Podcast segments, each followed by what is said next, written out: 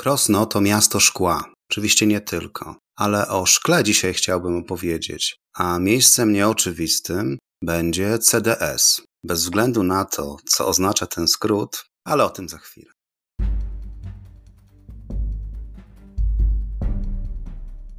Ryszard Kapuściński powiedział: Wszak istnieje coś takiego jak zarażenie podróżą i jest to rodzaj choroby w gruncie rzeczy nieuleczalnej. Będzie to podcast o podróżach do miejsc niedalekich, o bogatej historii Polski i regionu, o miejscach osiągalnych dla każdego i o moich przemyśleniach w historycznych miejscach. Zapraszam, Marcin.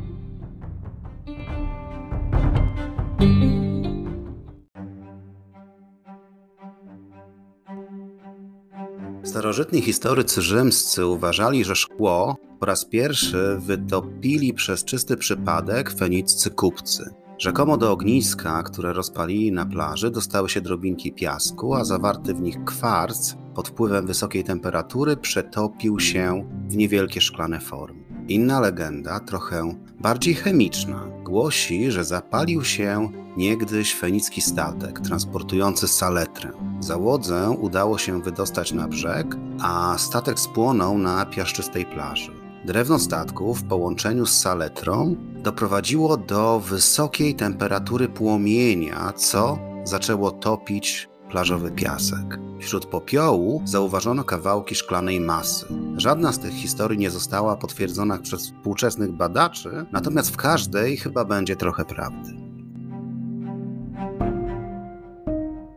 Z czego produkuje się szkło? Najstarsza technologia zapisana, uwaga, na glinianych tabliczkach w latach 669-627 przed naszą erą mówi tak. Weź 60 części piasku, 180 części popiołu z roślin morskich i 5 części kredy. Było to przechowywane w wielkiej bibliotece króla asyryjskiego w Niniwie. Obecnie tabliczka ta najprawdopodobniej jest w British Museum. Jak mówi legenda i najstarsza zapisana technologia, dość trywialnie możemy powiedzieć, że szkło produkuje się z piasku, czyli dwutlenku krzemu, ale nie tylko. Surowce do produkcji szkła to piasek, soda, wapień i środki klarujące, jak również barwniki czy zmętniacze szkła. Piasek szklarski stanowi blisko 70% składu szkła, a od jego jakości oraz wielkości ziaren zależą późniejsze własności szkła. Im większa zawartość dwutlenku krzemu w masie szklanej, tym większa odporność chemiczna wyrobu końcowego. Istotnym składnikiem szkła jest soda, w mezopotamskim przepisie pochodząca z popiołu roślin morskich, która to wpływa na temperaturę topnienia, a tym samym ma wpływ na właściwości szkła. Wapień, czyli w tym przypadku, w przypadku glinianej tabliczki kreda, jest stabilizatorem, który uniemożliwia rozpuszczanie się szkła w wodzie. Prowadzi to do zwiększenia połysku i wytrzymałości wyrobu na czynniki atmosferyczne. Etapy produkcji szkła powinny być takie same dla różnych typów szkła, jednak w zależności od wymagań materiałowych używane są inne składniki. Jak na przykład tlenek boru jest dodawany, który obniża temperaturę, dwutlenek cyrkonu, który zwiększa potem odporność chemiczną szkła, czy tlenek litu. Tlenek litu powoduje, że szkło jest elastyczne temperaturowo, czyli może być bardzo gorące, a za chwilę bardzo zimne. Środki klarujące usuwają pęcherze gazów, które powstają podczas procesu produkcyjnego. Szkło można barwić za pomocą określonych związków chemicznych. Na przykład związki miedzi barwią szkło na czerwono, a żelazo z chromem daje na przykład kolor zielony. Czyli podsumowując, produkcja szkła krzemianowego odbywa się poprzez połączenie piasku, węglanu wapnia i węglanu sodu. Surowce są mieszane i topnione w piecu o temperaturze 1200-1300 stopni, gdyż przy takiej temperaturze zachodzi rozkład soli, z czego powstają tlenki sodu i wapnia, które później reagują z piaskiem. Powstała tak mieszanina krzemianów sodu i wapnia, tworzy po prostu szkło. Zapamiętajcie również pojęcie wanny szklarskiej. To jest serce powstawania szkła. Przez długi czas od momentu wynalezienia szkło nie było przezroczystą masą, a najstarsze odkryte przedmioty domowego użytku, takie jak paciorki i ozdoby, pochodzą z Mezopotamii i Egiptu z czasów około 3,5 tysiąca lat przed naszą erą. A już za czasów za Ramzesa II, czyli władcy Egiptu z czasu XIX dynastii, narodziło się szkło artystyczne. I z czasów właśnie tego faraona jest, czy pochodzi, najstarsza znana nauce huta szkła. Tak więc pierwotnie, ze względu na zanieczyszczenia składników, wytapiano jedynie szkło kolorowe, a metodę produkcji szkła bezbarwnego opracowano dopiero za czasów Imperium Rzymskiego i już tysiąc lat przed naszą erą technologia pozwalała na tworzenie bardziej skomplikowanych formą przedmiotów, takich jak flakony czy kielichy. Około 200 lat przed naszą erą w basenie Morza Śródziemnego zaczął rozpowszechniać się zupełnie nowy sposób formowania wyrobów ze szkła. Chodziło tu o dmuchane szkło, Mianowicie, na końcu długiej cienkiej metalowej rury umieszczano kroplę roztopionej substancji szklanej, a dmuchając uzyskiwano odpowiedni kształt. Tak też dzisiaj robi się szkło artystyczne. Nie wiadomo dlaczego rury takie nazywano piszczelami, a są one właśnie stosowane do dziś w tymże szkle artystycznym. Opanowanie produkcji przedmiotów za pomocą piszczeli to był milowy krok w technologii, gdyż udawało się już wytwarzać przedmioty o różnych kształtach i bardzo cienkich ściankach. Jednak cały czas mówimy o szkle naczyniowym. Metoda produkcji tafli szklanej, czyli szkła płaskiego, została odkryta najprawdopodobniej na terenach dzisiejszej Normandii, w tej dzikiej Europie, a wytworzone tafle służyły na przykład do produkcji witraży, w których pojedyncze szybki łączono za pomocą ołowiu.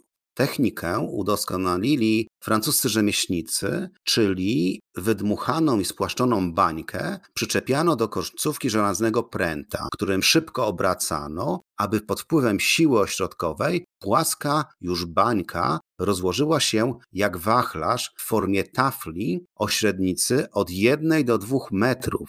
Przycinano to szkło następnie do odpowiednich rozmiarów, otrzymując niewielkie szybki wykwalifikowany hutnik szkła był w stanie wykonać takich 12 szyb dziennie, czyli był to towar iście luksusowy, który wytwarzano głównie z myślą o budynkach możnych lub o budynkach sakralnych. Produkcja szyb lub jak kto woli szybek wpłynęła mocno na architekturę. Dzięki ochronie przed deszczem, śniegiem czy wiatrem okna mogły być teraz większe a wnętrza budynków stawały się tym samym coraz lepiej doświetlone.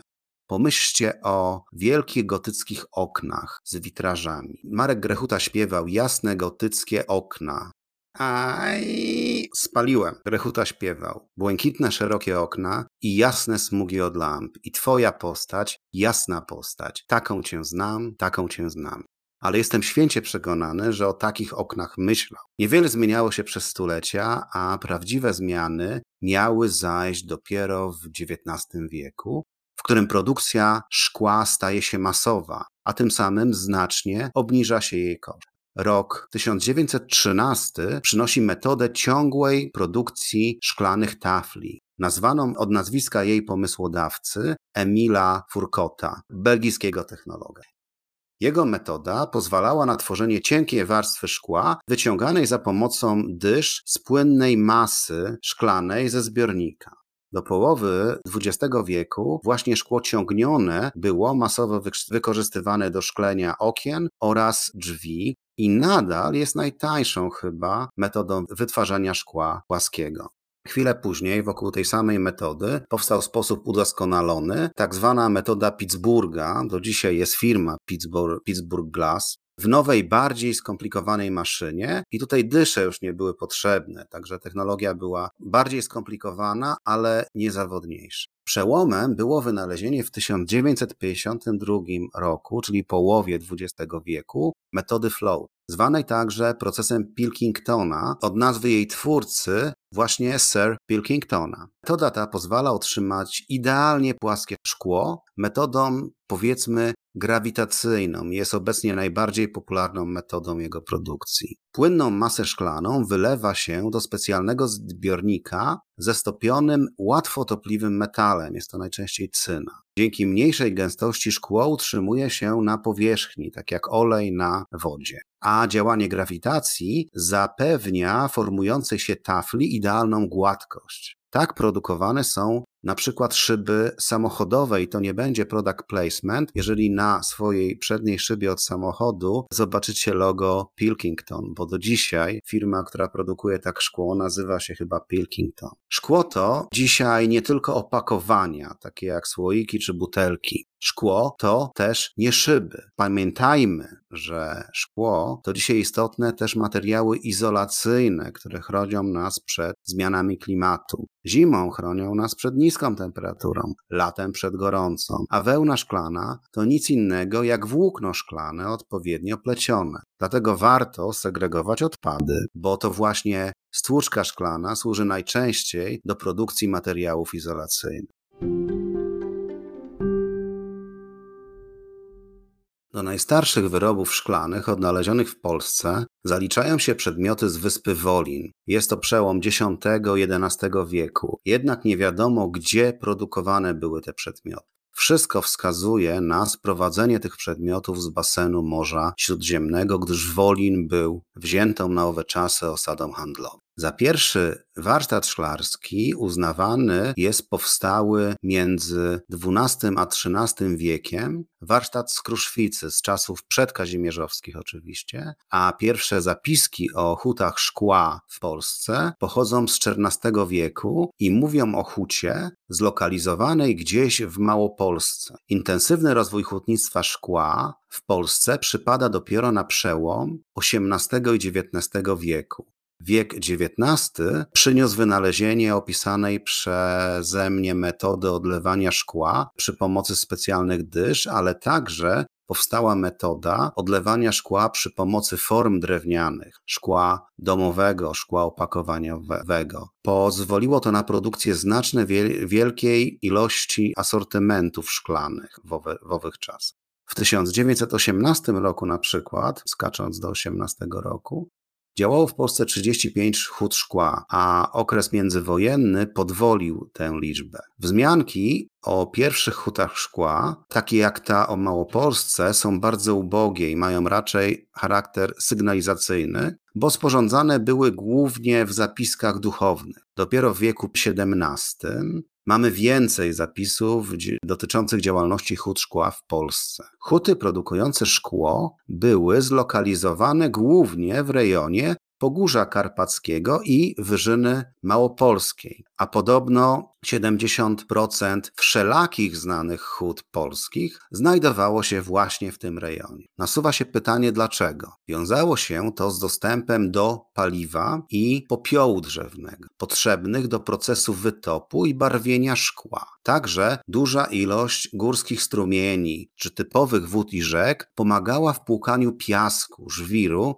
który jest materiałem wsadowym do szkła. A z kolei lokalizacja na głównych szlaka, szlakach handlowych pozwalała bardzo szybko sprzedać te wyroby i lub wymienić na inne, lub zainkasować odpowiednie pieniądze. A co w tym ro wszystkim robi Krosno? Po I wojnie światowej należało odbudować polski przemysł, więc w 1923 roku Przedstawiciele spółki akcyjnej Polskie Huty Szkła z siedzibą w Krakowie przyjechali do Krosna, szukając miejsca pod wybudowanie hut. Wybór padł na posiadłość pani Cecylii Kaczkowskiej i na, na, jej części ziemi dworskiej powstała lub miała powstać, a później powstała, pierwsza huta, krośnieńska huta szkła. Pierwsi hutnicy, bo wykwalifikowanych ludzi nie było, musieli przyjechać, bądź to z Kresów, bądź to ze Śląska, czy też z dalekiej Rumunii. W styczniu 1924 roku otwarto nowy zakład.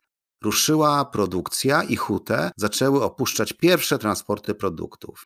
A dla wielu rodzin krośnieńskich to było podstawowe źródło utrzymania. Huta stała się elementem miejskiego krajobrazu i elementem życia, częścią życia jego mieszkańców. Jej produkty już za kilka lat otrzymały złoty medal z rąk ministra przemysłu i handlu pana Eugeniusza Kwiatkowskiego na targach poznańskich w 1929 roku.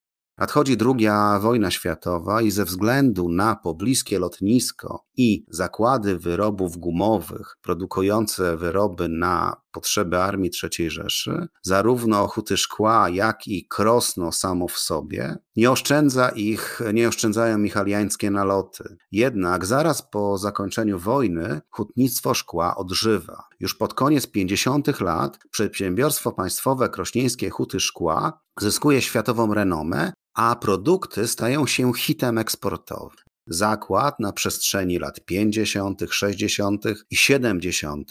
kilkukrotnie się rozbudowuje, przejmując także na przykład zakłady w Jaśle. Rok 89 i nowe czasy są różne, aczkolwiek niełatwe. Gigantyczny niegdyś kombinat rozpada się na trzy przedsiębiorstwa w Jaśle, Tarnowie i Krośnie. Krośnieńskie huty szkła jako spółka akcyjna trafiają nawet na giełdę papierów wartościowych, lecz wiatr historii potrafi zawiać w oczy. Wygaszana zostaje produkcja w części zakładu, a w 2009 u bram huty szkła pojawia się syndyk. Na szczęście przychodzi z pomocą Południowoafrykański Fundusz Inwestycyjny, a potem następuje tak zwany management buyout, więc tak zakład zostaje uratowany. Zakład tak trwale osadzony w tradycji Krosna zostaje uratowany przed upadkiem i jako Krosno Glass funkcjonuje do dziś. Miejscem nieoczywistym, jak już wspomniałem, będzie oczywiście CDS. Pora na wyjaśnienie skrótu. CDS to Centrum Dziedzictwa Szkła. Jaka jest jego historia? Na początku XXI wieku, przy zaangażowaniu prezydenta Krosna, tu muszę powiedzieć dobra robota, panie Piotrze, i jego samorządowców, rozpoczęto właśnie w Krośnie tworzenie miejsca poświęconego historii sztuki szklarskiej. A miejsce wybrano super, bo to jest starówka i budynek BWA. Projekt rozpoczęto w 2010 roku, korzystając ze wsparcia funduszy unijnych, a budowa Centrum Dziedzictwa Szkła i jego wyposażenie, innymi piec hutniczy, trwała do 2012, a otwarcie tego miejsca nastąpiło 2 czerwca 2012. W Centrum Dziedzictwa Szkła zobaczymy zarówno wystawy stałe o produkcji na przestrzeni wieków z urządzeniami technicznymi. Mnie akurat tam szczególnie utkwiło w pamięci urządzenie do produkcji włókna szklanego, włókna szklanego, o którym opowiadałem przy okazji materiałów izolacyjnych parę chwil temu. Ale najważniejszymi atrakcjami centrum są interaktywne pokazy, czy to produkcji, tam dmuchają szkła, czy też zdobienia szkła, bo takie rzeczy również na pokazach plastycznych możemy zobaczyć. Historię szkła na przestrzeni wieków prezentuje film, który pokazywany jest zwiedzającym w interaktywnej sali kinowej. Przewodnicy przewidują troszeczkę jeszcze innych atrakcji, o których nie chcę mówić wyprzedzając fakty, ale koniecznie to jest miejsce konieczne na mapie Podkarpacia do odwiedzenia. Także Krosno i oczywiście CDS zapraszam. Po tym jak opowiedziałem o kaplicy Oświęcimów, pytaliście mnie, co jeszcze w Kroście. Oprócz sierpniowego Young Arts Festival z Leszkiem Możdżerem, Kingą Głyk czy Orkiestrą Symfoniczną Filharmonii Lwowskiej. No i odpowiedź jest prosta. Właśnie szkło i jego historia. A CDS to miejsce nieoczywiste. I tutaj znów chciałem pozdrowić ekipę Young Arts Festival, a szczególnie jedną osobę. Szczególnie pozdrawiam Gosię. Gosiu, dziękuję Ci, bo dzięki Tobie najprawdopodobniej zacząłem robić podcast. Ci, którzy słuchali mojego dziesiątego odcinka, wiedzą, że podcast powstał po facebookowym serialu zdjęć, jakie publikowałem z różnych miejsc nieoczywistych. A Gosia, którą pozdrawiam ponownie, entuzjastycznie czytała moje opowieści, więc pomyślałem, jeżeli ktoś mnie czyta, to czemu nie podcast? I tak dzisiaj dla słuchaczy nagrywam kolejny odcinek. To tyle na teraz, do następnego odcinka. Dziękuję za wysłuchanie dzisiejszego podcastu. Czekam na uwagi o tym odcinku na Facebooku i Instagramie. Możecie także ocenić ten podcast w serwisach Spotify, Apple czy Player FM. Wasze pozytywne oceny ułatwią dotarcie do kolejnych słuchaczy. Możecie także postawić mi wirtualną kawę w serwisie Buy Coffee pod adresem podcast Miejsca Nieoczywiste. Środki przeznaczam na promocję podcastu w mediach społecznościowych. Jeżeli macie pomysł na odcinek, poproszę o mail na adres domwdawidach.gmail.com.